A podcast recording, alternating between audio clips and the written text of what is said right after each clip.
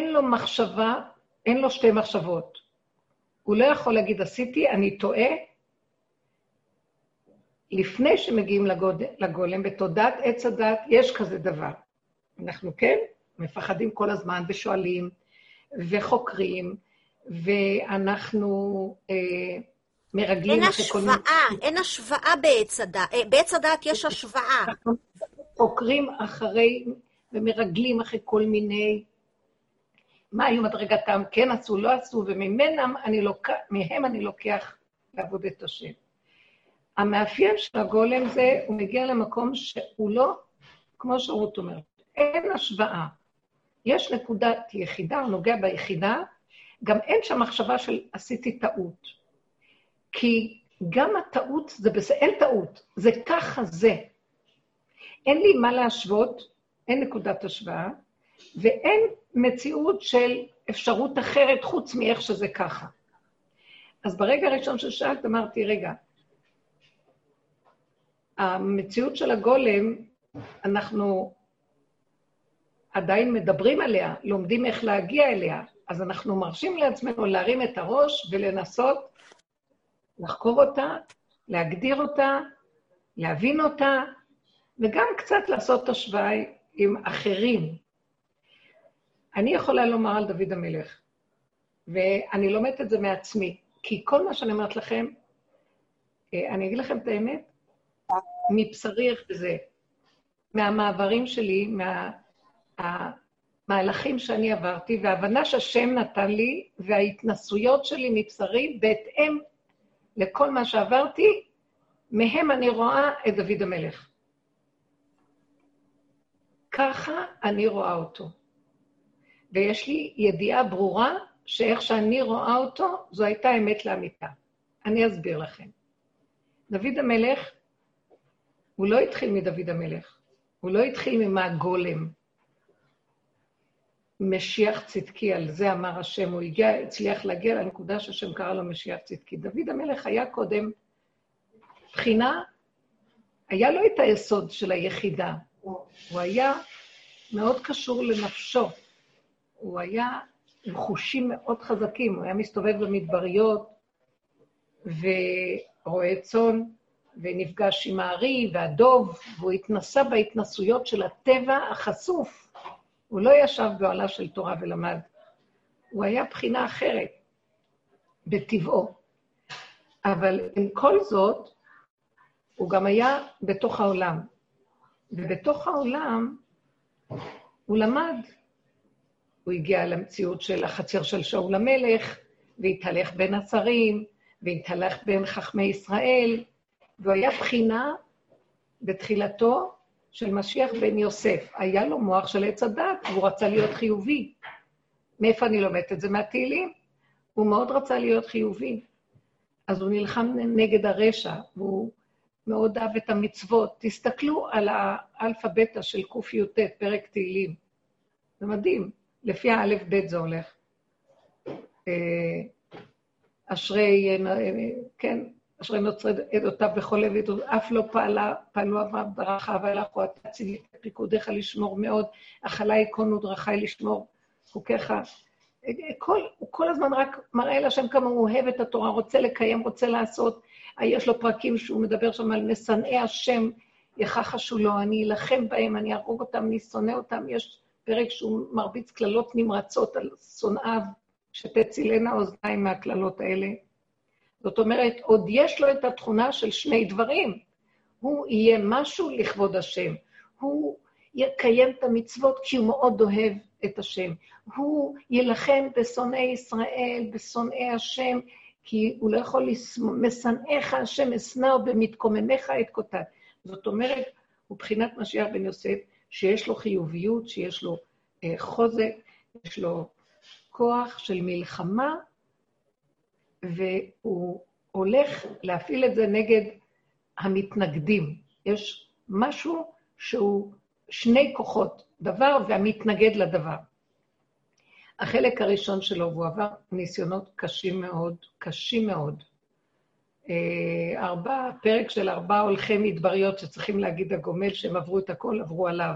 זאת אומרת, כל סוגי ההתנסויות. צלל במים האדירים של הרגש והסערה הנוראית, היה במדבריות של השממה והנפש, היה כלוא בבית האסורים, הידיעה הנוראה שהוא כלוא בתודעת עץ הדעת והוא לא יכול לצאת ממנה, כלוא בתוך חוקי העולם שהם אה, קשים מאוד ואי אפשר להכיל.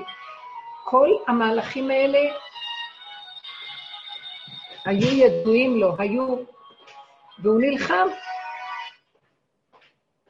עד שהוא הגיע למקום, חטא בת שבע היה הדבר האחרון, הניסיון של חטא בת שבע, זה היה הניסיון שנתן לו את שוק החיים, שהוא הבין שעם כל המהלך שלו, של אהבת השם, של האש היוקדת בו על משנאי השם, הוא רצה לגאול את העולם מבחינת משיח בן יוסף מהרשע, הוא הגיע למקום שהוא היה המום, וזה לא רק בגלל זה. כל מה שהוא לא רצה לעשות, היו לו ניסיונות קשים מאוד ונפילות אין ספור.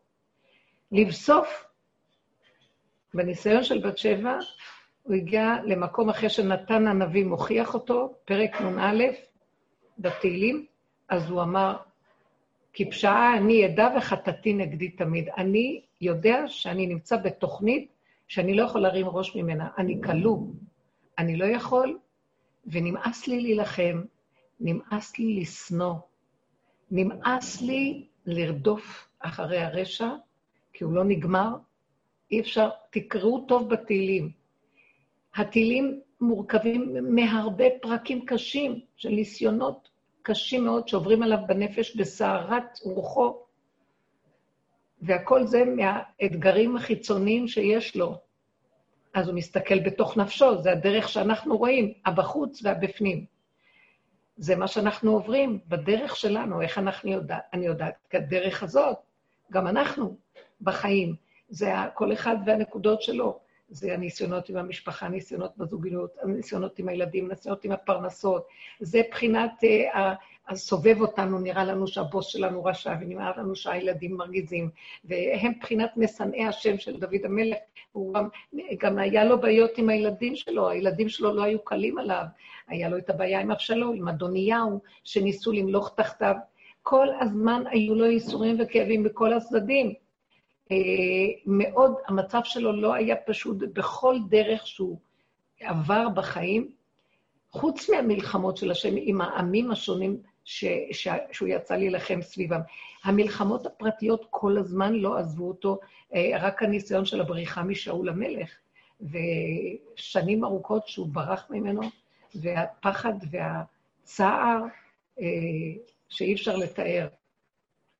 כי המלך רודף אחריו להרוג אותו, אז אה, זה סכנת חיים תמידית.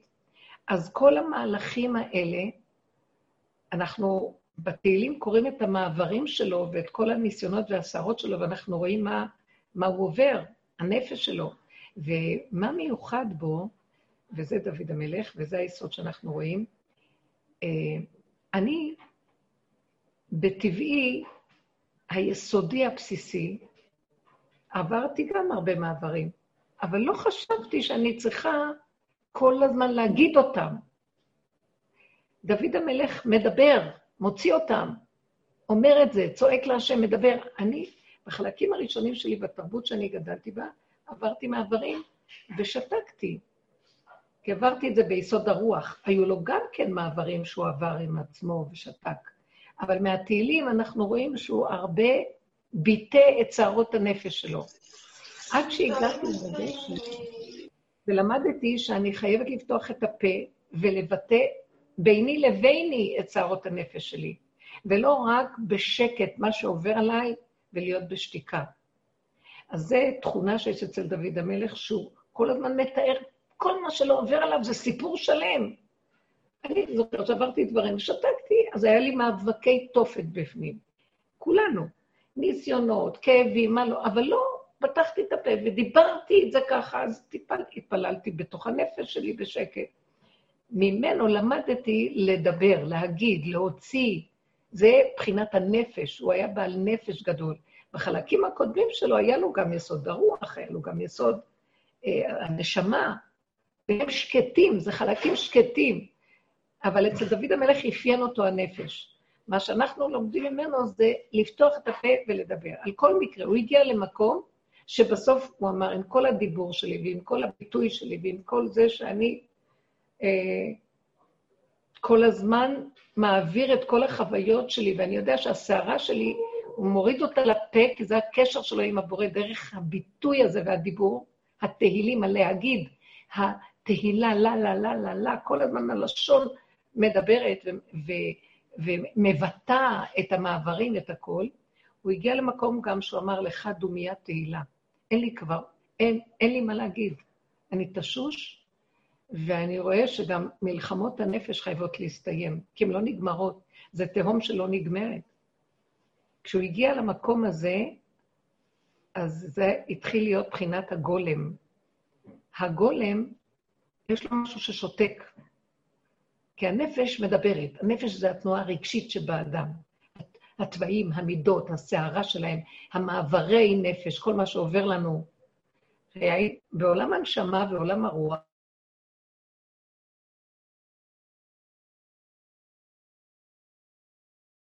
שקט וצער. אבל בנפש זה אולי מאפיין את ה... בתהילים של הארבעה אה, שאומרים, אה, אה, הגומל, יורדי מדבריות, הלכי במים, כן, בים. הים מסמל את, המים מסמלים את הרגש, סערת הרגש. יעלו שמיים, ירדו תאומות, נפשם ברעה תתמוגג. זה הכל דמיון. ככה נראה להם בנפש. ויצעקו אל השם בצר להם. ממצוקותיהם יצא להם הקם סערה לדממה. אה, ויחשו גליהם של הסערה וישתוקו. יש לו עוד ביטוי שהוא אומר, ארו המים הזדונים על נפשי. אה, איזה סערת נפש יש לי, שאני מרגיש שהמים הזדונים עוטפים אותי מהמבול ואני במבול. רבו היה אומר, אנחנו עוברים מבול, זה הסערה של הרגש. יש דרגות אה, של אה, המדבריות, זה השממה בעולם המחשבה, הרוח, זה מאוד קשה לעבור את המקום הזה.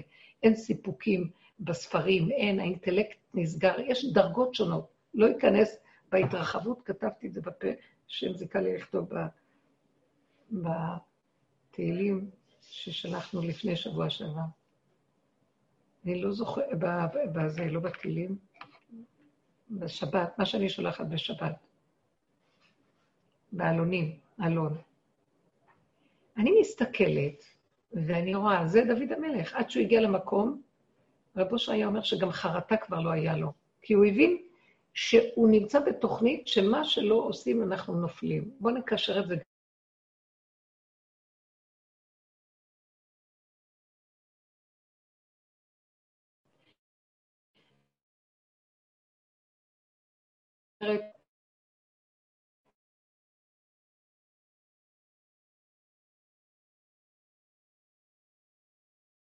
הוא, הוא צודק, כי צדיק אני, כי חסיד אני, כן, כמו שאנחנו הולכים בעץ הדעת החיובי, אני משהו. אבל הוא לא עשה את זה בשביל הגאווה, הוא באמת חשב שהוא משהו. תודעת עץ הדעת החיובית, בתוך עץ הדעת, יש לנו שאיפה להיות צדיקים, להיות גדולים, לעשות מעשים טובים, אה, לאהוב את השם, אה, אה, לכבודו, לעשות לשם שמיים. ברגע ש... אבל מה ההבדל בתודעת עץ הדת למצב של הגולם? החיובית, כן?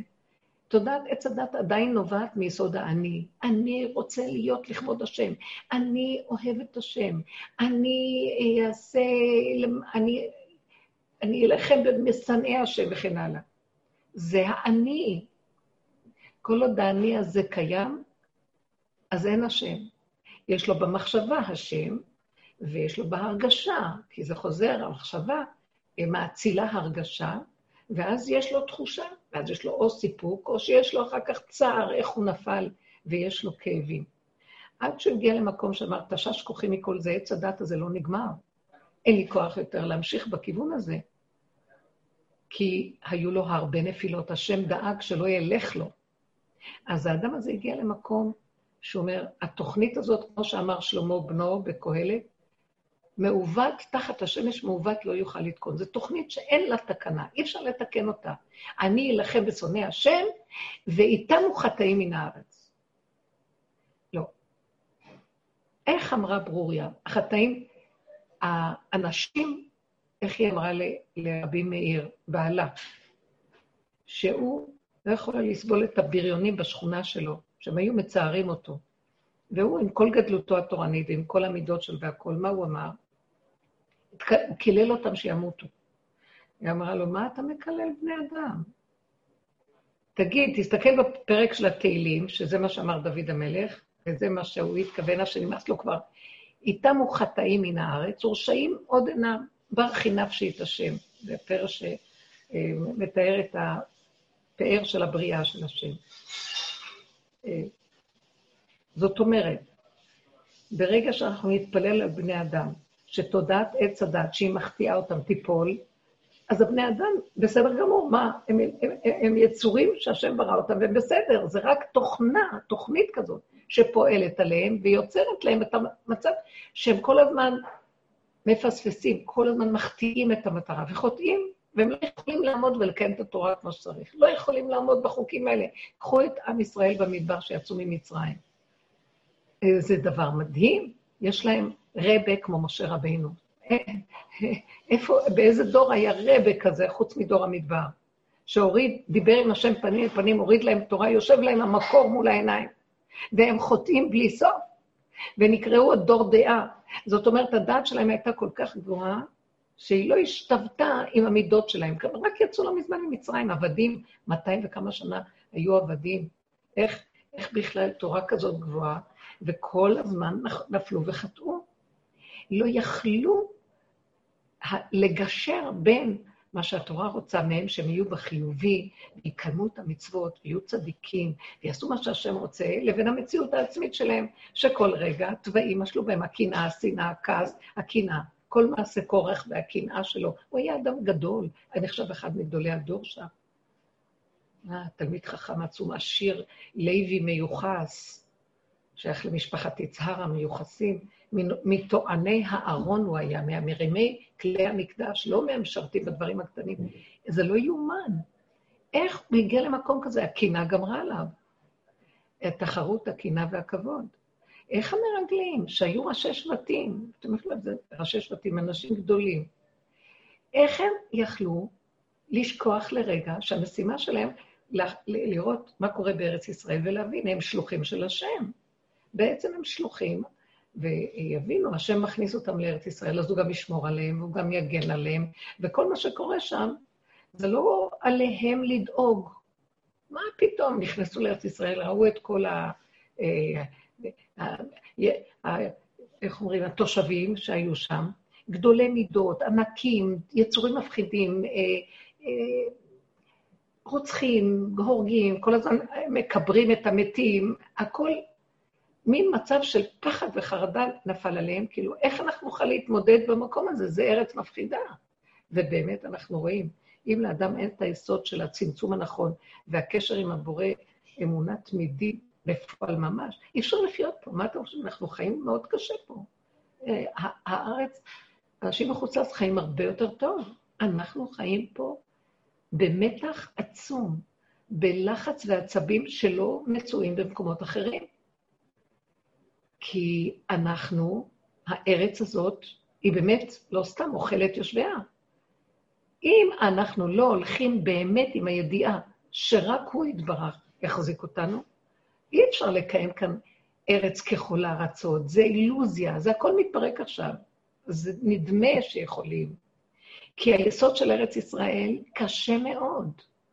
כל הדורות עברו בחילות והרגו ורצחו, כל הדתות עברו כאן, והיו כאן מלחמות בלי סוף. זה לא מקום שקל לחיות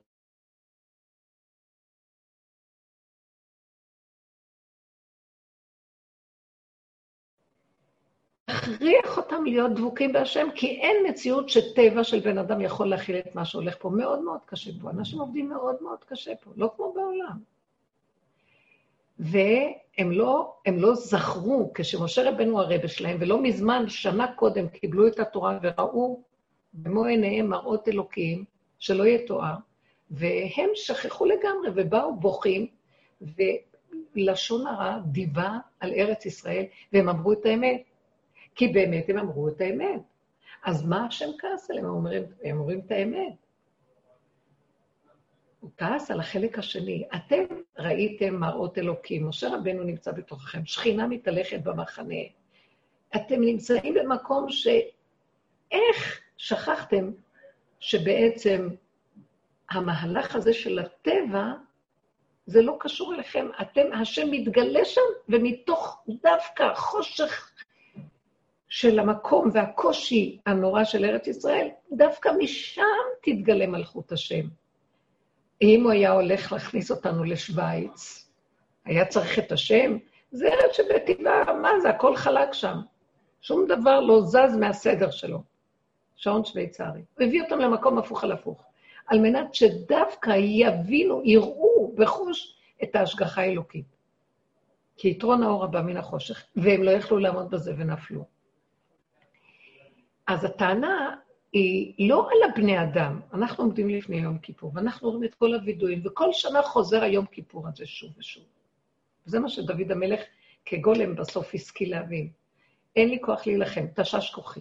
הוא אומר בפרק תהילים, אוי לי כי גרתי משך, שכנתי עם עולי קדר, רבת שכנה לנפשי עם שונא שלום. אני שלום וכי ידבר הם על המלחמה. תשש כוחי, כמה נילחם. לא יכול יותר, עד שהוא הגיע למסקנה, שהוא אומר, ריבונו של עולם, אני חי בתוכנית שלא נגמרת. אז זו אילוזיה גדולה פה. מה שאני לא אעשה, אני אפול ואני אחטא. אני אחטיא את המטרה ואני אחטוף. אני אחטוף את המכה כי פספסתי את המטרה, וגם ממך אני אחטוף מבית הדין, כי אני לא הלכתי לפי התורה. מי יכול לקום, לעמוד בתורה הזו פה? אתם יודעים מי יכול לעמוד בתורה? אה, לא יכול. אבל אם, בוא נגיד, זה אנשים שסוגרים את עצמם בדלת אמות, מה שעשו יהודים בתוך החורים של הסדקים של הקסבות של, של רק חרדים, וגם שם, במאה שערים, גם שם, מה אין שם בעיות? אז זה בא וגונב אותם בכבוד, וזה בא וגונב בשלום בית ובכל מיני דברים. אי אפשר להתבדל מעץ הדת, הוא נכנס לך בחורים ובסדקים ואין לך מתוחה ממנו. וכל זה בדווקא. למה? כדי שבסוף הבן אדם יגיד, אני לא נלחם. עץ הדת גורם לי כל הזמן להילחם, כי אני חושב שאני יכול להתגבר עליו. והטריק של עץ הדת הוא כזה, האני הטוב מול האני הרע, האני הרע יונק מהאני הטוב. מוצץ לו את המיץ, הוא, הוא טפיל שאין לו מעצמו.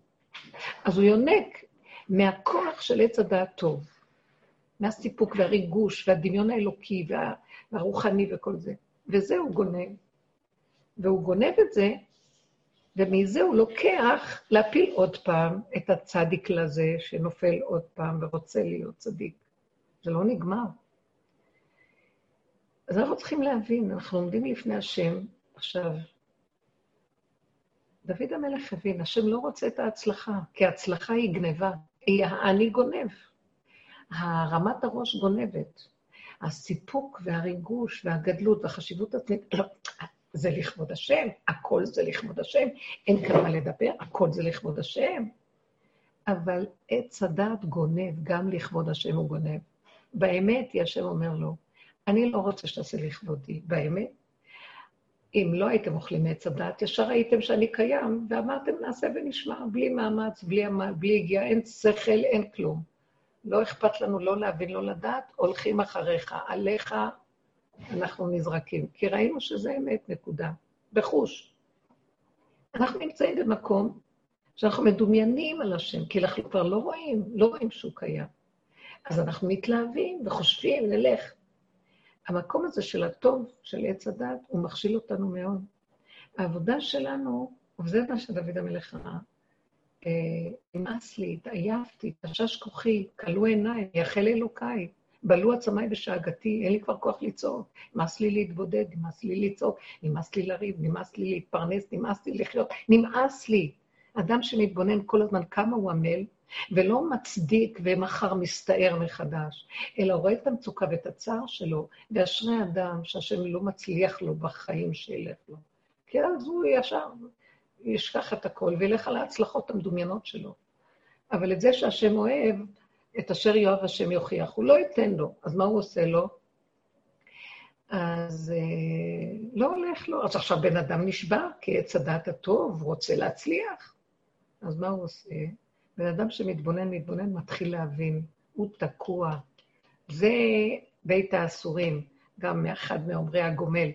אה, אני תקוע בבית האסורים. אני תקוע בתוכנה של אחת אני שבוי, ואני לא יכול. ואין טעם להילחם גם. כי המלחמה עצמה גורמת שממני הם יונקים להמשיך להרגיז אותי. אם כן, אין לי כוח אליהם. ואני שותק, ואני לא עושה כלום. יום הכיפורים שאנחנו עובדים, תדעו לכם, כל התורה נשבתה בתודעת עץ הדת. זה הלוחות השניים נפלו במעשה העגל, נשברו, חדרו לעץ הדת. ואז אנחנו צריכים כל הזמן להתוודות על החטאים. למה? כי כל הזמן אנחנו חוטאים. למה? כי אנחנו תחת עץ הדת, והוא מרמה אותנו, הוא מטעה אותנו. הוא מטעה ומפיל אותנו ומקטרג, ואז אנחנו מצטערים, ואז אנחנו מתחרטים ואומרים על חטא ועל חטא, וחוזרים ועוד פעם ועוד פעם ועוד פעם. בשנים האחרונות, אני ביום כיפור מדברת עם השם. אני אומרת במוסר, אני אומרת לו, ריבונו של עולם, לא נמאס לך כבר מהתוכנית הזאת. לא נמאס לך כבר, כבר אי אפשר לחיות עם השקר הזה. הלוא אתה יודע שמיד אחרי זה אני אלך עוד פעם. זה שנייה אחת אני כבר מפספסת. אני לא רוצה להיות בעולם, אז מה אתה רוצה? איך שמת אותנו בעולם? לא נהיה בעולם. אתה רוצה אותנו בעולם כי אתה רוצה להתגלות דרכנו בעולם. אבל התוכנית הזאת היא מאפשרת לנו להוריד אותך. זה תרתי דה סיטרה, זה, זה, זה סתירה שאי אפשר, אפשר לצאת ממנה. אז אתם יודעים מה אני קולטת? הוא אומר לי, זה מה שאני רוצה לשמוע. תעצרו ותגידו לי את זה ביום הכיפורים. תפסיקו כבר, תתוודו. תתוודו על כל הפגמים. תביאו את כל הפגמים. היו שואלים את רבו שלנו, מה צריך לעשות ביום... איך צריך להתנהג ביום הכיפור? הוא אומר, תביאו את כל הקביצות המלוכלכות. תביאו את הכל לפני השם, ושתדעו לכם. הוא היה אומר, שכשאתם אומרים את הפגמים, זה לא אתם. זה בתוככם קורה בלי שתרצו, ולכן התוכנית ממשיכה לי. אז תלמדו, בסוף הוא היה אומר, תדעו שכלום לא אנחנו פה. להשם ביום הזה מגיעים רק עם הפגמים. תביאו את כל הפגמים, כל הכביסה המלוכלכת, אל תסתירו ותבואו עם קיט לבן, ככה כמו מלאכים. תביאו את כל הלכלוכים. ותעמדו עם כל הלכלוכים ותגידו, אבל אנחנו לא יכולים אחרת. כי ככה מה שקורה פה. אז דבר אחד למדתי, מאחר והתורה אוסרת עליי לעשות דברים, אז אני, אה, אני לא יכולה להגיד לו, אני אחטא ואשוב, אחטא ואשוב, אחטא ואשוב. אני במצוקה.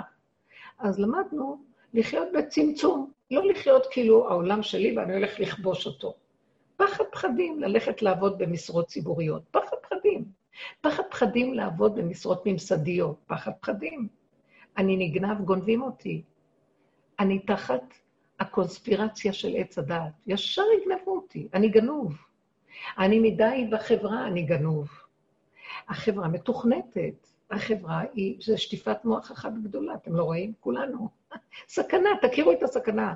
אנחנו צריכים להכיר את הסכנה שלנו, טיפשים, תמימים, פתאים. רצים, החברה, משפח, משפוך, משפחה סכנה, הזוגיות סכנה, הכל סכנה. אז איך נחיה? בצמצום, לא צריך לפרק שום דבר. נישאר בעולם, נשאר, את לא יכולה לשנות. את רק צריכה, אנחנו צריכים לצמצם לעומק את הרחבות של הדמיון שאנחנו יושבים טוב. עוד רגע יבוא משהו, ייתן לך פליק, תעופי לכיוון השני. אז העבודה שלנו היא להיכנס בקטנה ולחיות את הסכנה, ולא להתהלך בגדולות ונצורות, כי כאן התוכנית ישר תתעלק עליי ותגנוב אותי בגדלות. גם בקטנה אני נשארת, אני אומרת לעצמי, אם כן, העולם מתחיל להשתנות לי. אני לא באתי לעולם לסדר פרנסות, ואני לא באתי לעולם לבנות משפחה, ואני לא באתי לעולם לבנות זוגיות. תראו את המחשבה מתחילה ללכת לכיוון אחר. אני באתי לעולם לחפש את יסוד האמת ולחיות בנקודת אמת ושלווה פנימית עם עצמי. אז השני הוא הסיבה בשביל זה. הפרנסה היא סיבה. אני לא עובד בשביל הפרנסה, אני משתמש בפרנסה כדי להגיע ליסוד האמת. לאט לאט אתה מתחיל להגיע לסוד האמת, אתה מתחיל להגיד, לא, לא מתאים לי המקום הזה לעבוד. לא מתאים לי לעבוד במשרות כאלה. לא מתאים לי לעבוד בכלל, אולי מתאים לי להיות, אנחנו צריכים להיות עסוקים. אז אפשר להיות עסוקים בכל מיני דברים. אז המוח מתחיל להיות, אז לא יהיה לך זה, ואתה לא תוכל אה, להתפרנס זה, ולא תוכל לעשות זה. אז אני מתחילה לחשוב, האם זה הכרחי שיהיה לי זה? לא. האם אני חייב לנסוע לפה ולשם וכל מיני חוץ לארץ עם כל... לא. האם אני... בשביל שלוות הנפש, בשביל נקודת האמת, בשביל הריכוזיות, בשביל אה, האמת היא מדהימה, זה שכינה. אין נצח של שלווה יותר גדולה מזאת. לא שווה לי כל המנעמים המדומיינים האלה, שאני אה, נהייתי עבד להם, ואני לא יכולה לסבול אותם. אז בשביל מה לי? אז אני מתחיל לחיות ברמה אחרת. כן, ואז אני רואה ברכה, אני רואה ברכה. מה אני רואה? שאם אני נכנס ליסוד האמת, יש מי שיפרנס אותי. אני משתמש כרגע בעולם, בפרנסה, כסיבה להשיג את האמת. אבל הפרנסה זה לא חשוב כבר. חשוב נקודת האמת. היא רק מספקת לי אפשרות להשיג את האמת. וזה שלבים ותהליכים, כי אני רואה את השקר סביבי. אותו דבר הזוגיות. לא טוב להיות האדם לבדו. אבל כשהוא מתחתן גם לא טוב לו הרבה פעמים. יש הרבה חיכוכים. לא קל לבן אדם לחיות עם אדם שני.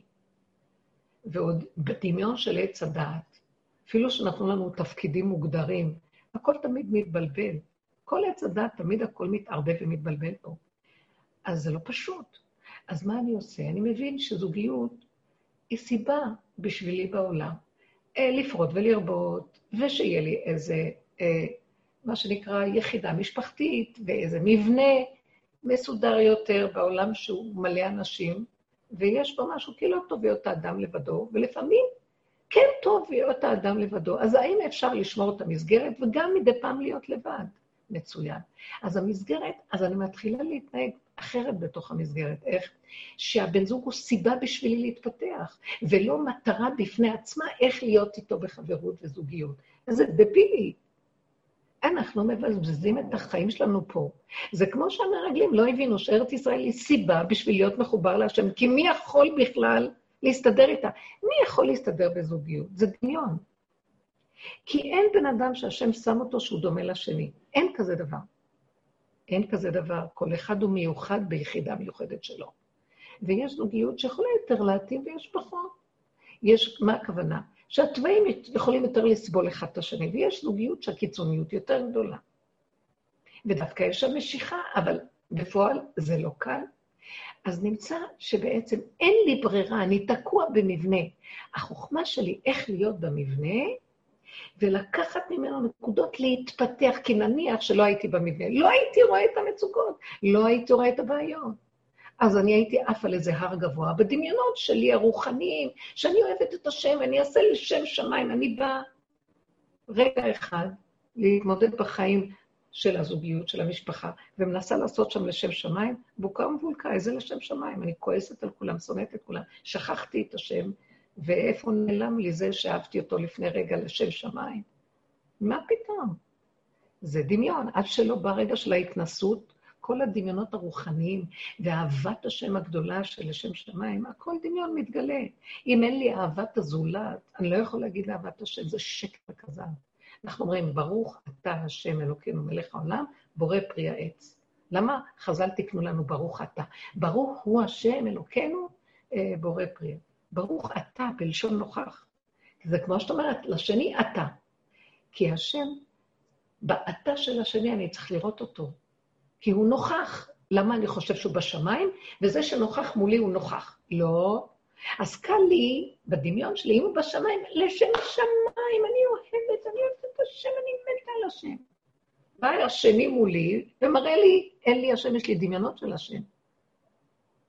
את זה דוד המלך ראה. הוא אמר, בחנני, נשני, צרופה כאילו אותה בליבי, כי אני, צדיק אני. השם אמר לו, אתה צדיק, אתה זה. נכון, יש לך רוח גבוהה. ויש לך אהבה פנימית. אהבה פנימית שלך, אתה לא אוהב אותי באמת. בוא אני אביא לך את בת שבע, תראה שאתה אוהב אותה יותר ממני. וברגע אחד, הוא ראה שהאינטרס האישי שלו, שהאינטרס שלו באהבת הבורא, לא עמד לו, אה, שאהבת הבורא שלו לא עמדה באינטרס של אהבת זולת, אהבת אישה. אה, לא, הוא לא חטא על פי דין, כי היא הייתה עם גט, אבל בכל אופן היה שם איזה תחמון במחשבתו, אני לא אכנס לסיפור שהיה שם. והוא שיקר שם לעצמו, גנב את דעתו של עצמו. ועל זה השם הקפיד עליו, אמר לו, אתה אומר שאתה אוהב אותי? אתה אוהב בת שבע יותר ממני. אז בסוף הוא הודה ואמר, נכון, חטאתי נגדי תמיד. ואת זה השם רוצה לשמוע. עכשיו אנחנו באים להתוודות לפני השם ביום הכיפורים, ולהגיד על חטא ועל חטא ועל חטא. חמש תפילות יש ביום הכיפורים. חמש פעמים עמידה בתפילה, וחמש וידויים, שכל וידוי יש בו איזה חמש קטעים. המון. ועל חטא כזה, ועל חטא כזה, ועל חטא כזה, ועל חטא כזה, ועל חטא... חז"ל כללו את כל האפשרויות שאת חושבת, אני לא עשיתי כזה דבר, בכל אופן, כל האפשרויות. כי הם הכירו את יסוד עץ הדעת, שהכל בכל מהכל, כל יש שם. ואז אנחנו אומרים, ואחרי זה אנחנו, יורד עלינו אור, זה פלא עצום יום הכיפורים הזה. מתגלה אור מדהים. אין לי את הלכלוך שלך, אני אביא לך אור, האור הגנוז, אור י"ג מידות הרחמים.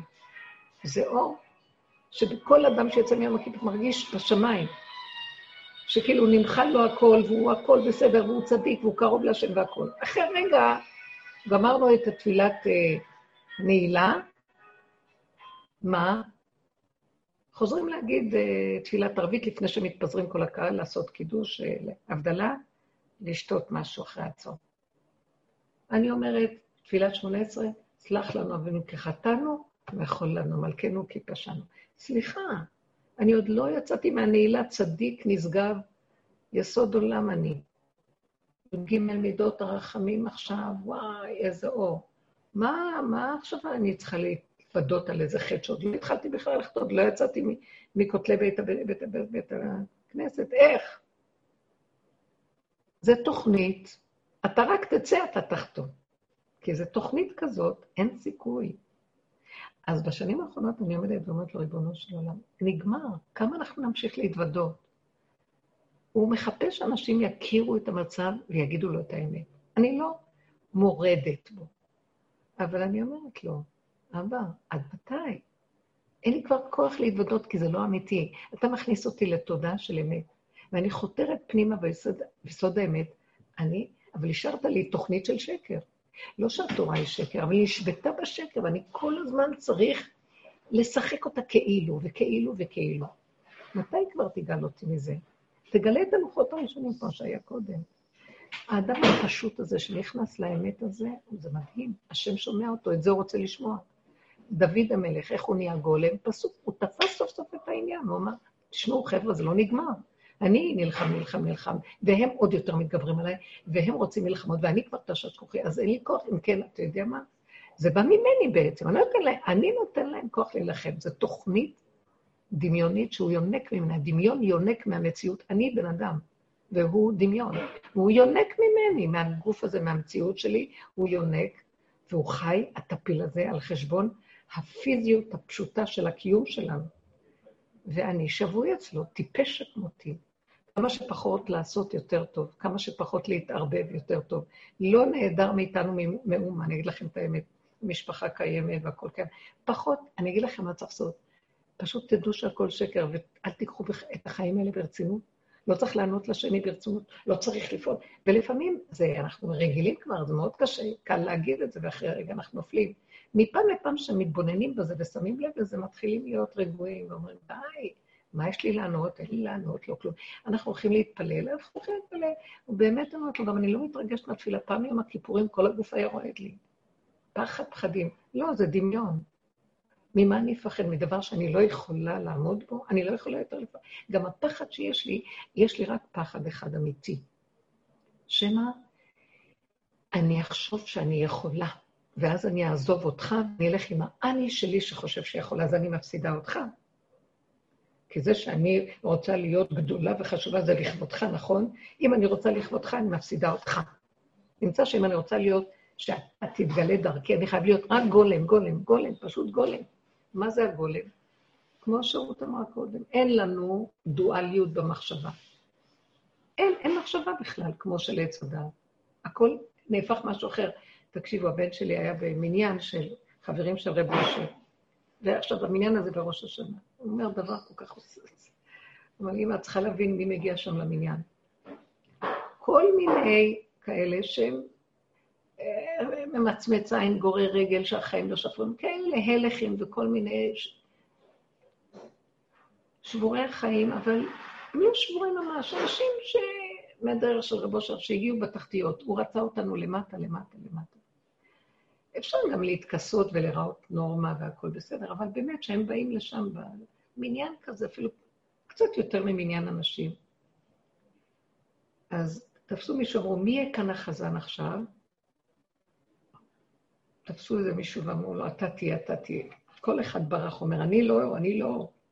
למה האדם לובש את הטלית, עולה על הדוכן של החזנות?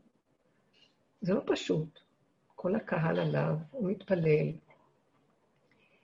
אה, בלי שאדם ירצה, הוא יכול להיגנב לשקר. והוא יכול להתפלל עכשיו מתוך בכי, כי הקהל מסתכל עליו, בלי שהוא ירצה אפילו. אני רק יודעת שיש קהל מסביב, אני יכולה עכשיו להפעיל רגש, ואני צריכה לדבר לכם, כי אני לא זוכרת שאתן רואות, ואני לא רואה את עצמי ולא אתן אותי, עוד את עצמי קצת אני רואה, זה מפריע לי המסך, אבל אני רואה את הקמת פה, ואת הפאה וזה. אבל אני אגיד לכם את האמת, אי אפשר להימלט מהשקר פה, תצחקו. אבל החזן שעולה, הוא מושפע, הוא מושפע מהקהל, והוא אומר תפילת השליח ציבור, הנני העני ממעש, באתי לפניך להתפלל, בחיור, לא יודע, אה, כי עמך ישראל שלחוני, זה מאוד יפה כתוב. אני אגיד לכם את האמת, אי אפשר, אני לא יודעת איך אפשר להתפלל במקום ככה, ולא להיגנב שאני החזן באתי להתפלל לפניהם, שלחו אותי ואני... זה רק גברים בעולם הדעת. אני, אני, אם אנחנו מסתכלים באמת, אף אחד לא יכול לעמוד במקום הזה ולהתפלל בשביל אף אחד. אבל זו התוכנית. אז שחיזרו אחרי מישהו להתפלל, כל אחד ברח שמה, במניין הזה שסיפרתי לכם. אז כל אחד ברח, לא אני, לא אני, אתה, אתה. בסוף תפסו איזה אחד ש... שאמר, אה, ah, טוב, אם אתם רוצים, אז uh, אני מוכן, אני... אז הוא פתח את הפה ואמר, ריבונו שלמה, הריני חמור נוער לפניך. אני, אם, אם אני כמו חמור, אני מוכן, אם תקבלו אותי כמו חמור שנוער לפני השם, אז אני מוכן להגיד את התפילה.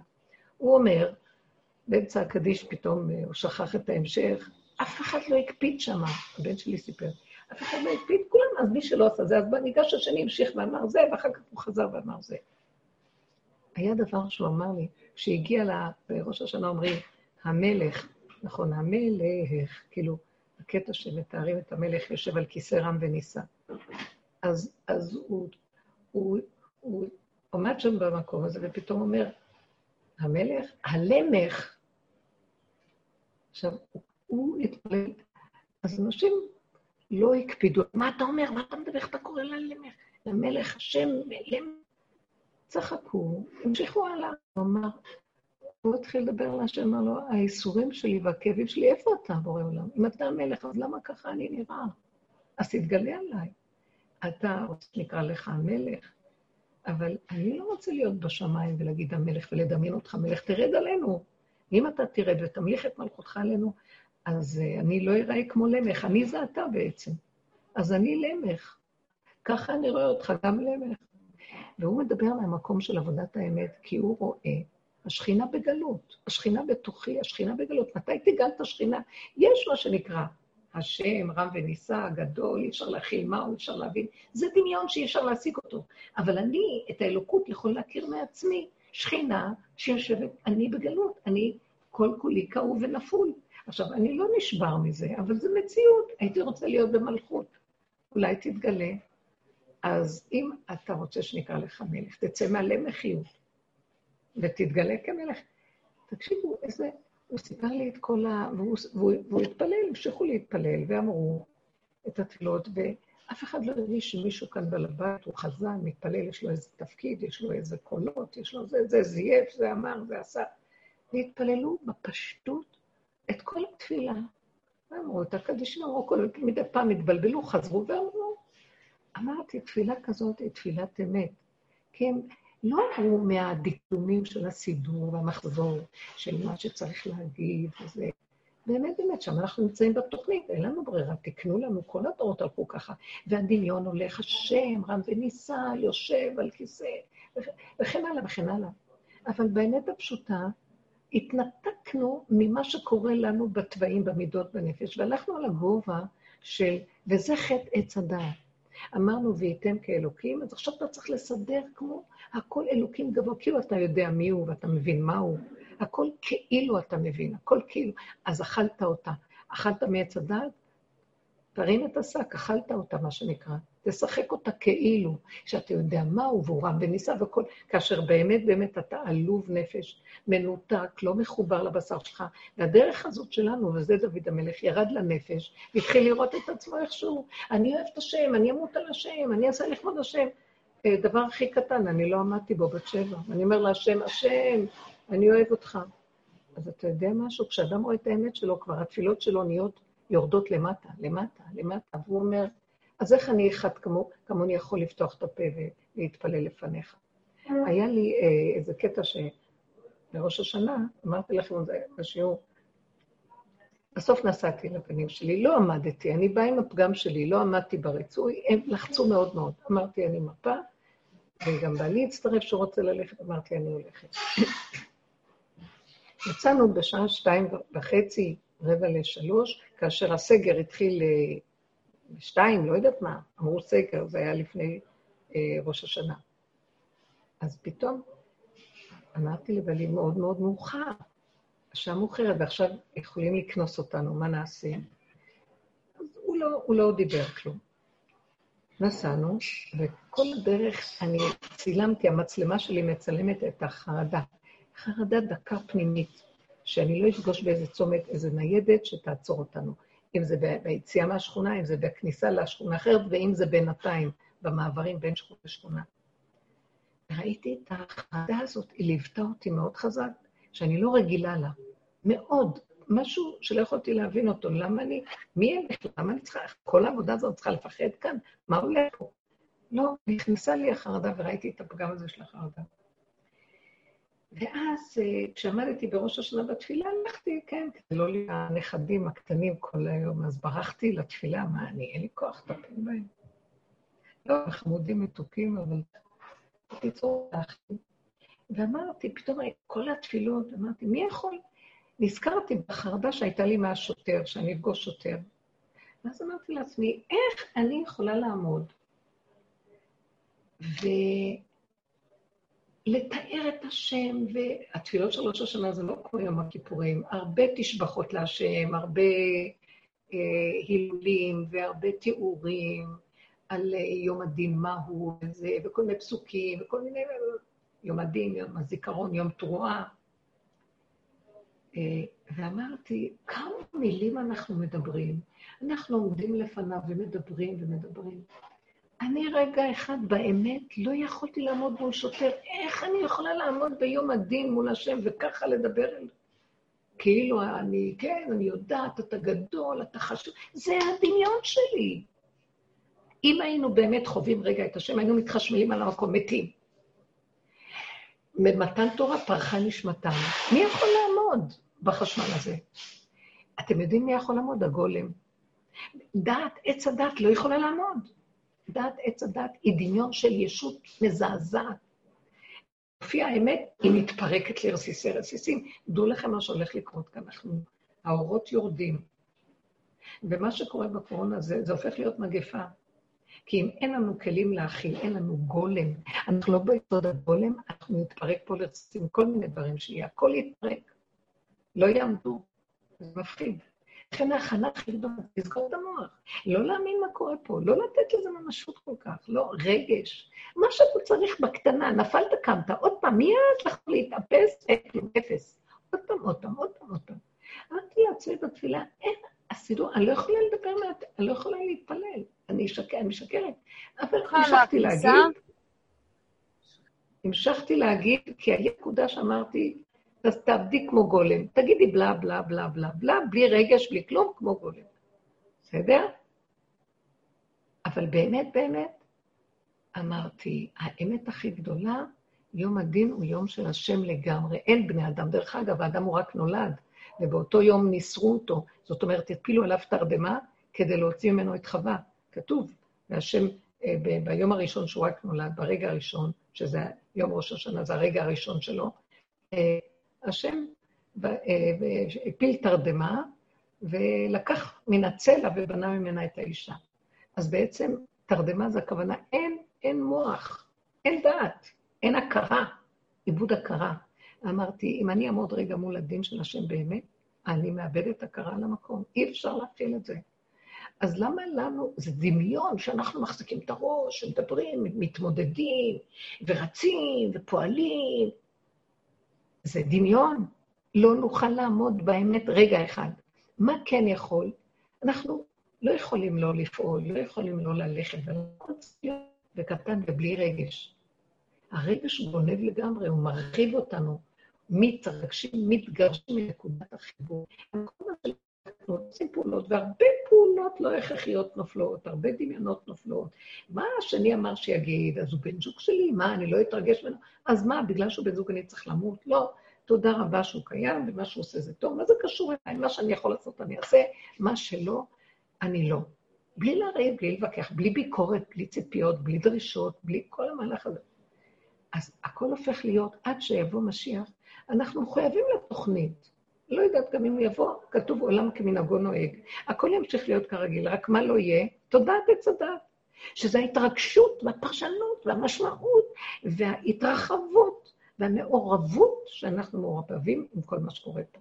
זה הולך ליפול, יישאר הדבר הכי פשוט. פעולות פשוטות. אז אם אמרת מילה, אמרת, מתרגשים, עץ הדת תפס אותנו, נפלנו, תקומו עוד כאן, תחזרו. נפלא, איזה יופי. זה ככה יהיה בימות המשיח, עולם כמנהגונות, כי השם ברא עולם, והוא ברא תוכנית, וכל העולם, גם הבריאה כולה היא בזיווגים. אתם יודעים שיש עצים של זכר ועצים של נקבה, החיות זכר ונקבה, אה, השמיים והארץ, זכר ונקבה. הכל זה בריאה שהשם ברא אותה ככה, וזה יפה, זה מאוד יפה. אבל כל הפרשנות והמשמעות של עץ הדת, זה מה שגורם את כל המתח בצורת החיים שלנו. זה לא יהיה, זה לא יהיה. יישארו הכללים הבסיסיים הראשונים, שאנחנו, טוב לחיות בהם, הם טובים. מה שברא השם בעולמו הוא טוב. מה שבא הפרשנות המשמעות והקלקול של עץ הדת זה מה שלא טוב, וזה, את הניתוח הזה שנוכל לפרק ולקחת את הלכלוך הזה, זה מה שהעבודה שלנו הזאת עושה. אנחנו לא בורחים למדבריות, לא בורחים לחיות בהרים, לא הולכים, אה, אה, לא יודעת מה, לא מתאבדים ולא כלום, נכנסים בתוך התופת של השקר ונשארים שם, ולומדים לא להשתגע, לא להתרגש, לא להגיב ולא להתרחב. ולפרק את הכול. אנחנו מפרקים, מפרקים את הדמיון, ושקט. שיגיד, שהיא תעשה, שההוא יבוא, שזה ילך. זה לא שלי כאן כלום, הכל שלו, תן לי להיות בשלווה. יש לי תפקיד, אני אעשה את התפקיד שלי. אתה לא יכול ללכת לעבודה, ויש לך תפקיד, ולא ייתנו לך את הכלים לתפקיד. פרעה רצה שהם יבואו ויבנו לו את ערי המסכנות פתאום ורמסס. אבל הוא גם לא רצה לתת להם לבנים, איזה רשעות. כי כשאדם יש לו תפקיד, נותנים לו את הכלים לתפקיד. לא נותנים לך את הכלים, אתה לא מחויב. אבל הוא חייב אותם כי הוא היה עריץ. אבל השם לא מחייב, הוא אומר, אני נותן לך תפקיד. נתתי לך גדרים לתפקיד. אתה לא חייב בכל מחיר להיות הורה. אם הילד משגע אותך, אתה לא יכול להיות כרגע הורה שלו, עזוב אותו, תניח לו. אתה יכול להתמודד עם הנקודה שלו בלי להשתגע? אז תגיד לו מילה, תעשה פעולה, אבל אנחנו הולכים בכפייתיות משוגעת, זה תודעת עץ הדת, היא כופה עלינו. רגע, שם אני ההורה שלו. יש רגע שאתה לא יכול להיות ההורה שלו. אתה יכול להיות רק בן אדם פרטי, המהות הפרטית של האדם, שחוץ מזה יש לה גם תפקיד, אבל כרגע התפקיד לא עובד. למה? כי הוא נתן לי ילד שלא מקשיב לי ולא עושה, ויש לו את התכונות האלה, ולי יש את זה, ואני לא יכולה לעשות. השם לא יבוא בטענות. אין, הקדוש ברוך הוא בא בטענות לבריאותיו. הוא לא בא בטרוניה. אם רק נדע ללמוד להגיד לו, אבא, זה לא פייר. מה, אתה פרעה? אתה נותן לבנות את פתאום רמסס. טוב, אמרתי, אני באה, לוקח את התפקיד. אני בעל כורחי נולד, בעל כורחי אני חי, בעל כורחי אני מת. גם אתה רוצה שאני אתן דין וחשבון אחרי זה. ריבונו שלם, זה לא הגון פה, זה לא פייר. יש לאדם מה להגיד, אבל הוא לא יודע מה להגיד, כי הוא לא מכיר את התוכנית של עבודת אמת. והדרך הזאת מראה לנו, אנחנו עומדים מולו. זה מה חז"ל כמוהו בגמרא, חוצפה כלפי שמיא מעניא. אנחנו, יש לנו מה להגיד לבורא עולם. אני לא אומר לו את זה מתוך שאני איזה מפונק מרדן, משום שעל בשרי חוויתי הכל וזה משגע פה. אפשר למות מתסכול, למה שאני אמות מתסכול? בסוף דוד המלך אמר, לא אמות כי אחיה, לא רוצה למות, רוצה לחיות. אז עץ הדת רוצה שאני אמות. השקר שאכלנו ממנו הדמיון רוצה להרוג אותנו, ואז הוא יהיה שמח שהרג אותנו, גם הוא ימות איתנו טיפש. הלוא הנחש עוקץ, בסוף עוקץ את עצמו. הוא הלוא כסיל אחד גדול, ואני שבוי בכסילות שלו. אז למה לי בכלל להתרגז עליו טיפש שכמותו? לא רוצה, לא רוצה. עכשיו אני רואה שאם אני מתרגש, מתרגז, מתרגש, אותו דבר, מהילד שלי יותר מדי, הוא לא מקשיב לי, אני אומרת לעצמי, או-או, את בסכנה. שם בדיוק קורב לך אותה נקודה שהיא מפתה אותך להיכנס בזה, ואת תלכי לאיבוד. אה, תטרף עלייך נפשך, כל הכועס, כל מיני גיהנום שולטים בו. לא, סלח לי, לא, הילד שלי לא מכירה אותו, לא כלום. מחזירה לה את התפקיד לבורא, אם את לא ריבונו שלם. ברמה הזאת, התפקיד הזה לא מתאים לי, אני לא יכולה. קודם כל המהות שלי, אני קודם כל במהותי בן אדם. בראת היצור שהוא אדם, ואני צריך להיות מחובר למהות. חוץ מזה, מהמהות יש מה שנקרא שלוחות, תפקידים שונים. אני אימא של ילד, אני אישה של בעל, אני, בוא נגיד, אישה של בעל, אימא של ילד, אני אה, עובדת באיזה משרה ויש לי קשר עם אנשים, וכן הלאה, אני, אני, אני, אני בת של אימא, וכן הלאה. כל אחד. אבל קודם כל יש מהות. אנחנו מדלגים על המהות, ועפים על התפקידים, והוא שמה תופס אותנו, וכל אחד עם ה... אנחנו מתים מהלכים, אחר כך תקימו ערימות של יועצים, פסיכיאטרים, פסיכולוגים, פסיכולוגים, פסיכיאטרים, אה, עובדים סוציאליים, מה לא, ואף אחד לא יכול לטפל באף אחד, הכל דמיון אחד גדול. שקר, זה מערכת של שקר. למה? תחזור לעצמך ותגיד, עד פה. תדע איפה הגבול שלך, אם אני, אני אשתגע. לא, לא שייך. אני לא שייך. אם אני אומר דבר ולא מקשיב לי, אומר שלוש פעמים, לא מקשיב לי, שלוש פעמים, זה גג. אז לא להגיד, אם אין הדבר נשמע, אל תאמר, לך לעצמך. אז מה, זה לא יעשה? שלא יעשה. למה אתה אחוז בכפייה? אם הכוס רותחת וחם לך נשרף, תניח את הכוס. מה אתה ממשיך לצעוק? זה חם, זה חם. תניח אותה, לך. תרפה. הרפו. תחזור למהות. הרפו דו, כי אנוכי השם. תחזור למהות. זה הגולם. המהות היא הגולמית, הגולמיות הפשוטה של האדם. סליחה, קודם כל, אני אחיה ולא אמות. כל התפקידים לא שווים, כל התורה כולה, עם כל התפקידים שלה וכל המצוות וכל הכל, פיקוח נפש דוחה את הכול. אם המהות לא עומדת בכלום, שלום. ואנחנו טיפשים, כל הגאולה תלויה במהות, תיגעו במהות. והמהות היא גבולית, גבולית. תראי איך עץ הדת, תראו איך עץ הדת גדל עלינו, והוא גונב אותנו, וואו, לחלל הגענו. מה אנחנו לא יכולים לעשות? להנדס כבשה. ועוד מעט נהנדס גם בן אדם. נו, איזה גדולים, ומה? אם הילד מרגיז אותי, אני הולך להשתגע. תקשיבו, אנחנו לא שפויים. אם הבן אדם לא שולט בנקודה פשוטה של החיות הקיומית שלו, מה הוא הולך לרחף בכל העולמות? את אומרת לי, דוד המלך ומה הוא היה, ואיך נדע אם... אני אומרת לעצמי, אבל קודם כל הגולם שלי, מה לי ולדוד המלך? אבל זה נכון, אנחנו באים מהמוח הזה, אנחנו לאט לאט, עבודתנו בדרך שלנו, הדרך של רבו שם, דרך של הבעל שם טוב, דרך של דוד המלך. זה סמוי בתוך הדברים שלהם, צריך להסתכל. אנחנו כאן, מפר... גם רב אושר לא דיבר בדיוק כמוני. אני מרגישה שהוא נותן לנו את הכוח לפרש תורה שבעל פה, להוציא אותה ולפרש אותה, לפרש אותה, לפרש אותה, לפרש, לעשות ממנה פרא פירות. עוד להוציא עד שהיא תהיה ברורה לפי, אה, אה, לפי הדור, איך שהדור צריך, אנחנו בדור הזה צריכים, לא מבינים דברים גדולים, צריכים לפרק אותם כדי שאנחנו מוגבלים, צריכים להבין. בסופו של דבר, מה נדרש מהאדם?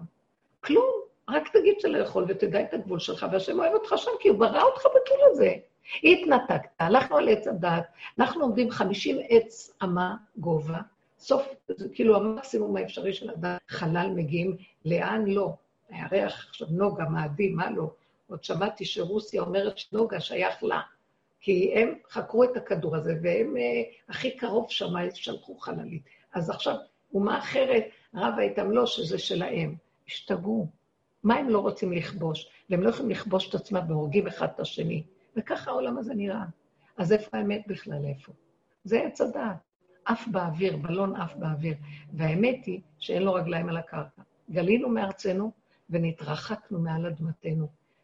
ארץ ישראל זה, זה אדמת הבשר, האמת של האדם, הקטנות, הפשטות, הריכוזיות המהותית, המהותית הבסיסית היסודית, ואין שם טענה על האדם, זה מה שאמר רבי שמעון. אני יכול לפתור את כל העולם מן הדין. בראש השנה הוא אמר שהוא פרקליט טוב, כי הוא יכול לסנגר על כל ה... למה אם תחזרו לגבול, אני אגיד, לא רוצים מאיתנו כלום. מה אתה הולך להתפלל יותר מדי בראש השנה ויותר מדי? אז יום תרועה תעשה תרועה. זה יום של הקדוש ברוך הוא, זה לא יום שלך בכלל, זה יום של בורא עולם. הוא בא לבדוק את הפנקסים שלו, לראות את עולמו, ואם עובדים, מה, תרים ראש, אוי ואבוי לך. אתה צריך לבוא לפניו כמו... אבל עץ הדעת חייב להיות קיים, אז מסדרים תפילות, שאני קיים ואני יודע מי הוא, ואני מפחד ממנו, כי אני צריך להמליך אותו, ואני ואני ואני ואני, באמת לאמיתה. בראש השנה, שיבוא משיח, לא יצטרכו את כל התפילות האלה. אולי יש בזה משהו נחמד. אני אגיד לכם את האמת, אם נוציא את כל הרגש והשקר שבזה, יש פיוטים נורא יפים, זה מאוד יפה הפיוטים. אם נפייט ונשאיר זה מאוד נחמד. אבל המשמעות, להיכנס בכוונות, ילד קטן שישרוק להשם שריקת אמת, כל התפילה שלו עולה. אותו אחד שהלך לפניהם, אה, השליח ציבור שהתפלל עם הקבוצה הזאת שסיפרתי לכם, זה שאמר לו, אני למך, אז אם אני למך, אתה למך, אז השם צילך, אני, אז איזה מין, מה? אמר לו את האמת, תפילה ישר התקבלה. לדעתי כל התפילות עלו בגלל התפילה של אותו אחד. מה זה? כולו זב וצרוע, כאוב, בודד, הוא לא התח... מכירה אותו, בן אדם ש... הרבה הרבה כאבים, לא חשוב לא לדבר. Uh, התפילה מתקבלת, זה מעומק הלב של הכאבים שלו, הוא איש שלו. הנקודה שלנו להבין שתודעת עץ הדת ריחה אותנו, וכל העבודה האמיתית, וזה מה דוד המלך. כי למה דוד המלך יותר מכולם? כי הוא הגיע עד הגולם של הגולם של הגולם. הוא הגיע לגמרי להבין ככה. לא רק שאני עומד שבור לפניך, כי אני יודע שאני גולם. הוא קלט שמלכתחילה זה המקום הכי נכון. עץ הדת מטעה אותנו שאנחנו צריכים להיות משהו, ועכשיו איזה שק הרימו עלינו. אם לא, אם לא היינו נופלים, אם התורה לא הייתה נופלת ללוחות השניים, היינו עם הלוחות הראשונים, שזה רק עשר הדיברות. היו לנו רק עשר הדיברות, ומתוך הדיברות היינו יודעים הכל מה לעשות. כמו שכתוב על אברהם אבינו, שהוא קיים את כל ההלכות מבשרו, בלי שום ספרים, ובלי, עוד לא קיבלו את התורה, הוא לא ידע את התורה. כי בטבע יש את הכל. חוקות הבריאה, יש בהם, הם קיימים בבריאה, והבשר יודע, לא יעשה עבירות. הגבוליות של האדם שומרת עליו, וזה לא, הטבע, כשהוא קשור לאמת שלו, הוא לא יטעה אותו, והוא מקיים את כל התורה. בדבר קטן, הכל כלול בכל, מכל כל. ולא צריך את כל הפרטים, פרטי פרטים ופרטים, והעול הזה, ואני אז, וצריך לשנן, וכמה צריך לעבוד, ואי ואי נפלתי וקמתי ועוד פעם, ואז תפילות וחרטות ווידויים ומה לא. זה מאוד קשה שאנחנו חיים, מאוד מאוד מאוד מאוד קשה. וצריכים רק פשוט להכיר את זה, להתעורר מהתרדמת, ולצעוק, אבא, זה הזוי. בהתחלה אנחנו שבורים שאנחנו אומרים את זה, אחר כך אנחנו אומרים, אבל אי אפשר לתקן את זה. ואז אנחנו שבורים שאי אפשר לתקן, ואז אנחנו אומרים, אתה לא צריך להיות שבור. כי אי אפשר לתקן, אז תגיד להשם, אי אפשר, אנחנו לא יכולים. ותהיה קטן, כי באמת, אם אתה באמת אומר שאתה לא יכול, באמת תוכיח שאתה לא יכול, תישאר קטן. איך אמר דוד המלך? כי לא הילכתי בגדולות ונפלאות ממני. ובסוף הוא הלך, הוא הלך כן חיים שלו בגדולות ונפלאות. מה הוא לא עשה? הוא חשב שהוא בונה את בית המקדש, צבר את כל הרכוש, את כל האוצרות ועזב לבנות בית המקדש. השם אומר לו, אתה לא תבנה את בית המקדש. הוא עשה מלחמות גדולות, הוא כבש שטחים, כבש את דמשק, הרחיב את הגבולות החמים של ארץ ישראל. הוא עשה דברים גדולים, בסוף הוא אמר, כי לא הילכתי בגדולות ונפלאות ממני. בסוף הכרתי שאני רץ לכל העולמות, והייסורים הביאו אותי להכרה שאין לי כבר כוח, לא רוצה לרוץ לשום דבר. אם השם לא רוצה שאני אבנה את בית המקדש, שזה היה בנפשו הדבר. הוא היה איש של, של, של לבנות להשם, מה זה בית המקדש? צריך להבין את זה, זה בשיעור אחר. זה לא סתם איזה אה, אה, מהפולחן של משהו. בית המקדש מסמל את המקום שאין בו תודעת, את עץ הדעת בעולם, ואז השם יכול לרדת שם. אז דוד המלך אמר, אני במלחמות שעשיתי, בנפש ובכל מה שעברתי, בסוף אני רוצה לבנות לך את המקום הזה פיזית, מקום שאני יודע ששם לא, אין תודעת, לא יכולה להיכנס שם תודעת עץ הדעת. מי שנכנס, הזר הקרב יומת. מי שנכנס שם מתפרק, אי אפשר לו. אבל השם אמר, לא, ידיך שפכו דמים, ידיך מלאו דמים, אתה עשית מדי הרבה מלחמות. אתה לא יכול לבנות את בית המקדש. זה מקום של שלום. אתה לא יכול לבנות את בית המקדש. ומישהו אחר משתגע. גם משה רבנו רצה להיכנס לארץ ישראל אחרי כל מה שעבר עם עם ישראל, אמר לא, אתה לא יכול להיכנס לארץ ישראל. ארץ ישראל אין לה עץ הדת, אין לה דעת, והוא לא היה בעץ הדת, והייתה לו דעת מאוד מאוד מאוד גבוהה. והוא היה איש, הוא היה, הוא סימל את הדת בישראל. אבל ארץ ישראל זה רק אנשים שאין להם ראש, אין כלום. אתה, בסופו של דבר, משה רבנו גם מתקלל במשיח, ואחרי כל הדורות הוא ייכנס. בעזרת השם, וככה זה, משיח כלול במשה רבנו, והכל כלול. אז הנקודה שלנו להבין רק הפשטות, כי הוא באמת היה אדם פשוט, עניו מכל אדם. אז בסופו של דבר הוא קיבל עליו את הגזרה ונכנע, כי ככה דוד המלך נכנע עם כל הכיבושים, הכל, אני לא בונה את בית המקדש, נקודה. רק אדם שנמצא בגולם יכול להכיל בלי להשתגע את, את מה שלא, הוא לא, הוא לא, את, את המציאות הכי גדולה שלו, מה שנראה לו שהוא צריך בתפקיד לקבל, והוא לא קיבל. זה רק מי שבגולם יכול להישרד ולהישאר, מה אכפת לי, אני אקבל, לא אקבל, זה לא קשור אליי כאן כלום. אם השם רוצה טוב, אם לא, אז לא, הכל בסדר. חוץ מזה, דבר נוסף יש בגולם, מעניין מאוד. שהוא מתחבר לכלל והוא לא מרגיש שהוא נפרד בפני עצמו. אין, אין הוא, היא, היא, אנחנו, הם, אתם, אנחנו וכולנו. יש חיבור, אין נפרדות. מה אכפת לי מי יבנה? העיקר שייבנה. זה דבר מדהים. אה, הגולם, אין לו את עץ הדעת. הקנאה והשנאה והכבוד והתאווה אה, מוצאים את האדם מהעולם. אין לו את זה. כי מה אכפת לי? אם אני, אני רוצה, מסתדר טוב, לא מסתדר, בסדר גמור. בקלות מוותרים. זה דבר מדהים. זה בריאות הנפש. לא להיות כפייתי, לא להשתגע. זה דבר מדהים. אני הולכת על זה.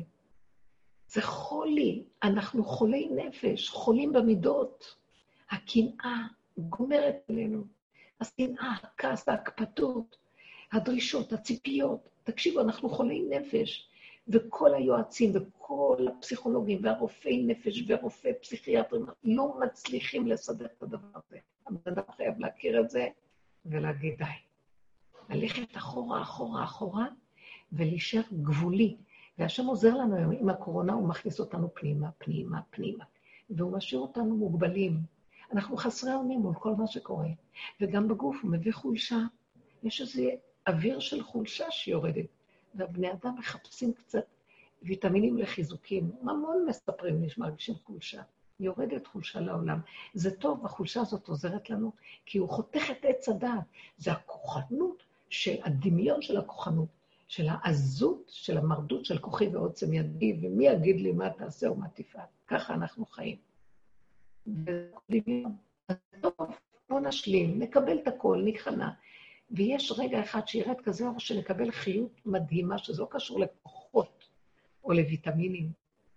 ברגע אחד השם מוריד טיפת אור אחת, נותן לנו חיות שהיא לא בכלל בטבע. אל תאכל, אל תשתה 40 יום בלי מים, בלי לחם, כמו משה רבנו. מהחיות האלוקית הזו. אז אנחנו בטבע עוד מחפשים קצת איכשהו להישרד, לחזור לכוחות. ישר אני רואה, אני קניתי לבית. בעלי הרגיש חלש מאוד, גם עוברת חולשה, הרגיש חלש, וראיתי אותו ממש חלש. ואז הלכתי, גם אני קצת מרגישה חולשה באחרונה. אני נוסעת הרבה ואני חלשה. עכשיו, בקיצור, אמרתי, אני חייבת למצוא משהו, כי הוא מאוד חלש. ואז פניתי פה, פניתי שם, והגעתי לאיזה מקום של אה, חנות טבעונית. אז הוציא לי איזו תרופה שהיא קרוב ל-500 שקל, 30 אה, ויטמינים, קפסולות קטנות, אחד ליום. ואם הוא מאוד מאוד חלש, שתיים ליום. זאת אומרת שאלף שקל אה, לחודש, אם, אם הוא חלש מאוד, אז צריך שתיים כאלה. אמרתי, אני אקח קופסה אחת, ואני אביא לו.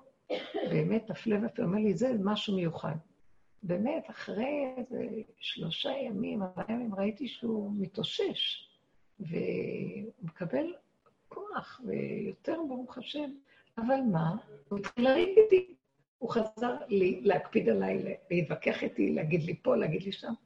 ולרגע אמרתי, מה? אני קניתי לו תרופה כדי לחזק אותו, והוא קיבל חוזק, ועוד פעם, הוא חוזר לאותם תוואים ש... ואז אמרתי, היה לי מחשבה, אז אל תתני לו יותר את הכדור, תקחי את זה לעצמך. תקשיבו, כמו ילדה קטנה, אז צחקתי ואמרתי, אתם רואים מה? רגע אחד אנחנו מתחזקים, ישר התוואים חוזרים. אז אמרתי אחר כך לעצמי, לא את ולא הוא, תישארו איך שאתם, זה טוב. כי לא הלכתי בגדולות ונפלאות ממני, אם לא שיוויתי ודוממתי נפשי. כגמול עלי אמו, כגמול עלי נפשי. אז עכשיו זה הגולם שדוד המלך נגע בו, והשם כל כך אהב את דוד המלך שהוא אמר, אתה הכרת את האמת, מה שאדם הראשון לא יכול, וכלל ישראל בכל הדורות, כל הצדיקים וכל הזה, נכון, זה תפקידים. ואתה באת ואומר, אני כלום אחד גדול, השם, ועם כל זה אני לא עצוב, ואני לא מת מייאוש. לא אמות כי אחיה, כי אם זה מה שאתה רוצה, אז ככה זה, ופתאום אנחנו קולטים שבעצם זה מלכתחילה היה צריך להיות ככה. בגלל עץ הדעת אנחנו הולכים בגדולות ונפלאות, כי זה דמיון שלא נותן לנו מנוחה. לבסוף, כשאנחנו מגיעים למקום הזה, עוד אנחנו אומרים, טוב, בדיעבד אני חלש, מה אני יכול לעשות, השם? טוב, אתה תקעת אותי מבגולם, מה יש לי ברירה? פתאום אני רואה שזה מלכתחילה לגמרי, שאני אהיה במקום הזה. יותר טוב לי מה שלהיות בכוחנות. כי כשאני במקום הזה, כי יראה כאוזלת יד ואפס עצור ועזוב, כמו שכתוב פרשת האזינו, פתאום השם מתגלה. ואמר, אל אלוהינו, צור חסיו בו. כשאנחנו נהיה לחושה, פתאום, איפה השם? השם, תחיה אותי. כשיש לי כוחות מהוויטמינים, אני צריכה את השם. אני לא רוצה להיות חלשה, אבל אין ברירה. ואז הוא אומר, טוב, בדיעבד אני קוראת להשם שיתגלה, כי אני נורא חלשה. לא. פתאום אני אומרת, זה מלכתחילה הכל צריך להיות ככה. ורגע אחד של קריאה ממלא את הבן אדם, אני אומרת לכם, השם חי וקיים. הוא מעמיד אותנו, מחיה אותנו, שמח אותנו. איך כזה חלש יכול לעשות זה, זה, זה, זה, זה? זה פלא, זה בורא עולם. איך יכול להיות, רבו אומר, אני מת מרוב כאבים, ייסורים והכול. איך יכול להיות שאני מרים את היד, שאני פותח את הפה, אני אומר ברכה, או שאני... זה בורא עולם. זה פשוט השם. בכל תנועה קטנה שלו ראה את השם. איזה דבר מופלא זה. ככה רק נכיר את השם. מהגדלות לא נכיר אותו, זה דמיון אחד גדול. זה יהיה הדרך. אתם שמים לב מה קורה בעולם? יקרים ואהובים, תקשיבו, מה קורה בעולם? אתם לא רואים? הכל הולך, מתכווץ, זה מתבלבל. עץ הדעת זה דעת, ודעת, דמיון הדעת. כאילו יש סדר, אנחנו מסודרים, יש שישה סדרים, יש ימים, יש מעדות, יש חגים, הכל מתבלבל, לא ברור. אז יש ימים, החגים כבר לא נראים אותו דבר. בני אדם יושבים לבד. הכל בחוץ כבר לא נראה אותו דבר, הממשלה לא נראית אותו, כלום, הכל נראה חלש, לא ברור. הם לא ברורים, הם לא יודעים. הדמוקרטיה, מה שנקרא הנחש, עוקץ את עצמו. מרוב דמוקרטיה, הם לא יכולים יכול, לעשות שום דבר. אלה מורדים נגד זה, ואלה לא מוכנים לזה, ואלה... והממשלה חסרת אונים, והמשטרה חסרת אונים, והכל חסר אונים, כי מלכתחילה אין להם כוח. הם רק גונבים כוחות, וזה נדמה כי יש להם סדר וכוח ושליטה, ואין כלום. רבותיי, כולנו נכיר את זה עכשיו. זה בגדול, בכלליות של הכאילו של המדינה. ובפרט זה אותו דבר. איזה כוח יש לבן אדם? אין לו כוח כלום. אני ראיתי, אני צריכה להציל את בעלי, למרות שהוא מרגיז אותי. אז אני צריכה ללכת לקנות לו כדור וזה, לתת לו חיזוקים ולראות מה. אחרי רגע, הוא הרגיז אותי, אמרתי, אני, אני, אני אסתיר ממנו את הכדורים. לא צריך כבר, כי הוא משתמש בזה לא טוב. לרגע אחד אפילו צחקתי על עצמי, אני משתמשת בזה כבדיחה, זה באמת לא רציני. רק להתבונן בעצמנו ולראות. והתחלתי לצחוק על עצמי, אמרתי, את עם החסדים שלך, הצלת נפש, אני מצילה נפש מישראל, הוא חלש, אני צריכה לעזור לו. אחרי רגע התנקמתי וגנבתי את הכדורים לעצמי. בשנייה ראיתי את זה, לא עשיתי את זה בפועל, אבל זה פלא עצום כל הסיפור של האדם, הכל דמיון. תצחקו, תצחקו. אני, זה היה לי גיחוך וצחקתי. אמרתי, הכל מצחיק פה. אז עשינו פעולה, כן, צריך לעזור לבן אדם. אחרי רגע הוא מרגיז אותך, כועסת למה עזרת לו. זה שטויות. ככה זה העולם. בואו נחזור למצב הפשוט. ועוד דבר שאני רואה אותו טוב טוב, וזה בדיוק הנקודה מהכל. אה, רב אושר היה אומר, אמר פעם למישהו שאמר לי, שאמר אליו, שאתה בא אליי, תבוא רק עם הפגמים, אל תבוא אליי עם היפייפות שלך ועם הגדלות שלך. תבוא אליי עם הכלום שלך. אנחנו באים רב אושר היה לו אור, הוא השתמש באור הגנוז, היה לו, היה פוקד עקרות, מחיי מתים, עשה דברים מדהימים. אז הוא בעצם אומר, יום הכיפורים, מופיע שם י"ג מידות החרמים. לא היה מופיע י"ג מידות החרמים, שזה מבחינת האור הניסי, זה האור של הברית שהשם קראתי איתנו, ולא חשוב מה, נותן לרעים ולטובים.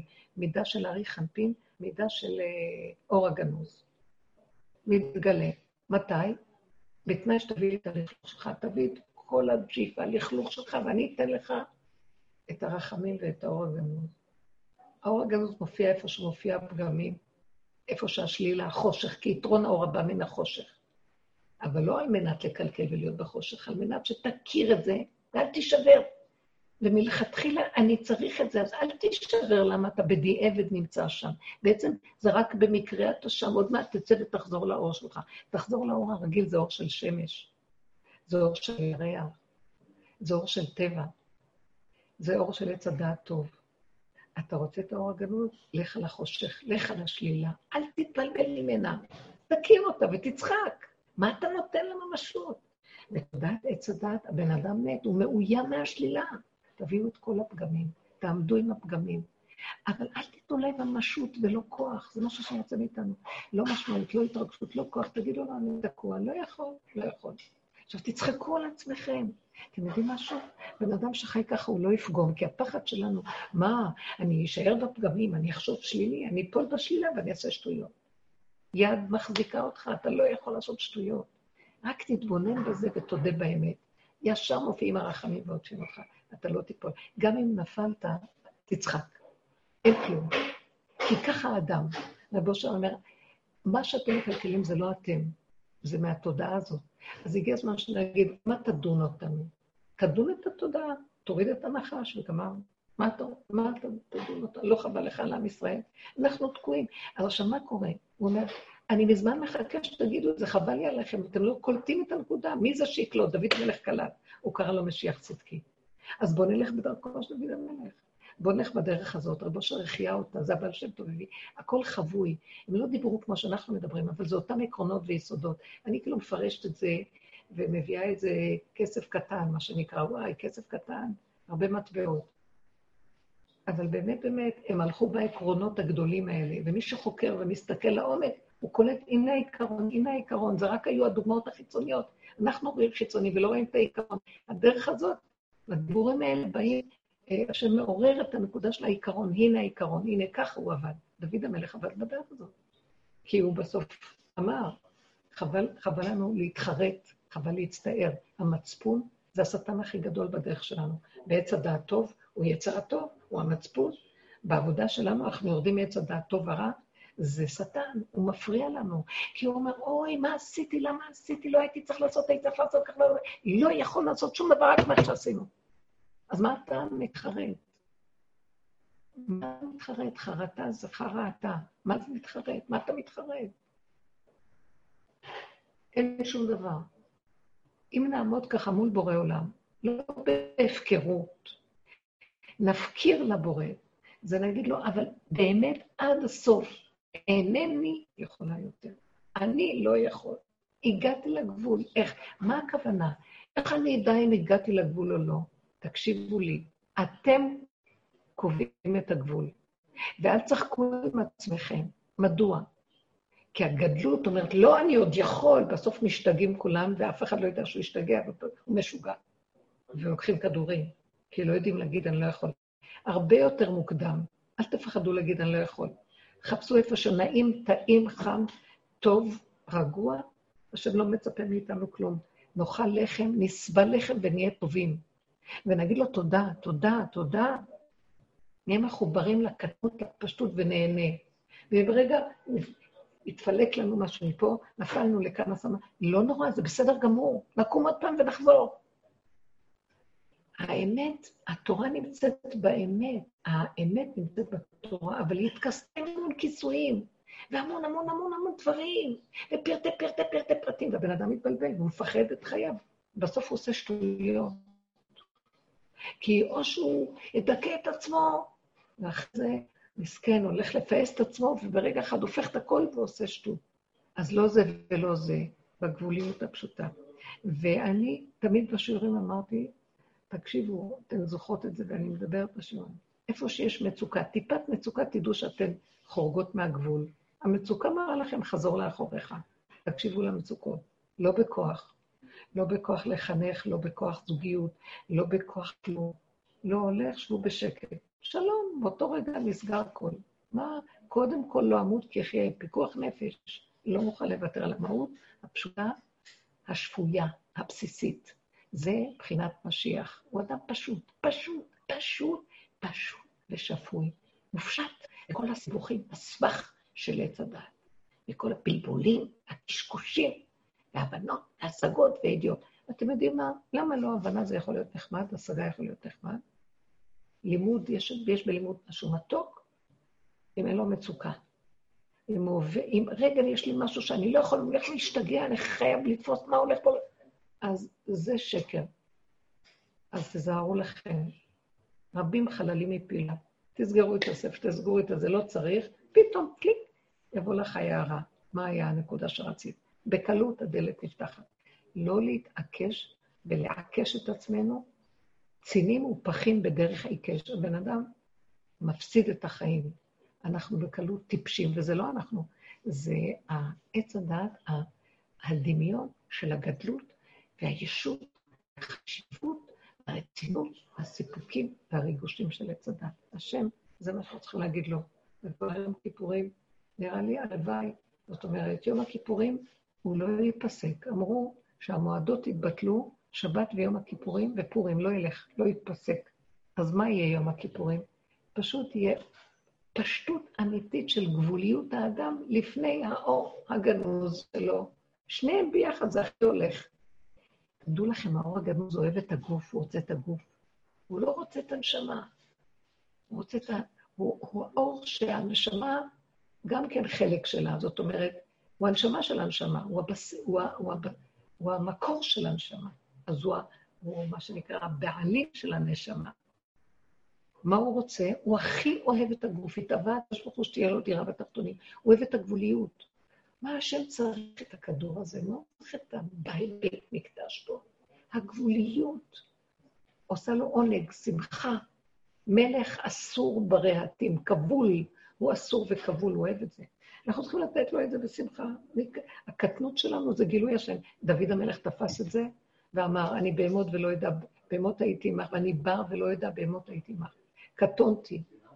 אני קטן, אני לא יכול. חטאתי נגדי תמיד. אני כאן בכדור הזה, תוכנית שתמיד אני בסכנה.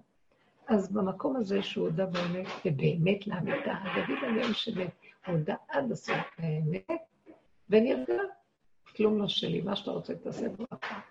השם אמר לו, זהו, תפסת את הנקודה, אתה היחיד שתפסת שאתה לא יכול ואתה לא יכול, אז אם כן אתה מכריח אותי להתגלות, רק אני אבוא ואעשה את מה שצריך לעשות פה. בן אדם לא יכול.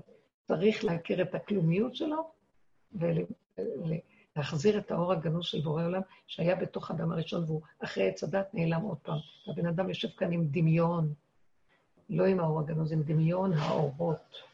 אין לכם סכנה יותר גדולה מהאורות. לכו על הפשטות של המידות ויסודות צבעים, יש שם שכינה גדולה ומתיקות שאי אפשר לתאר. אין, זה חירות, חירות מהכפייה. אין לך בן חורין רק אדם שמשתחרר מהפחד הכפייתי, מה יגידו עליו. אין לך בן חורין יותר ממנו. אין לך בן חורין שלא מפחד מיום המיטה, ותשחק ליום אחרון, כי אין מוות, הכל דמיון פה. אנחנו מתים רק מהמחשבה, מוות הוא כלום. אבל לא, לא נמות. גם אם אדם משנה גוף או משהו, זה לא נקרא מיטה. השם יזכה לנו, ובזאת נסיים את השיעור וירחם עלינו.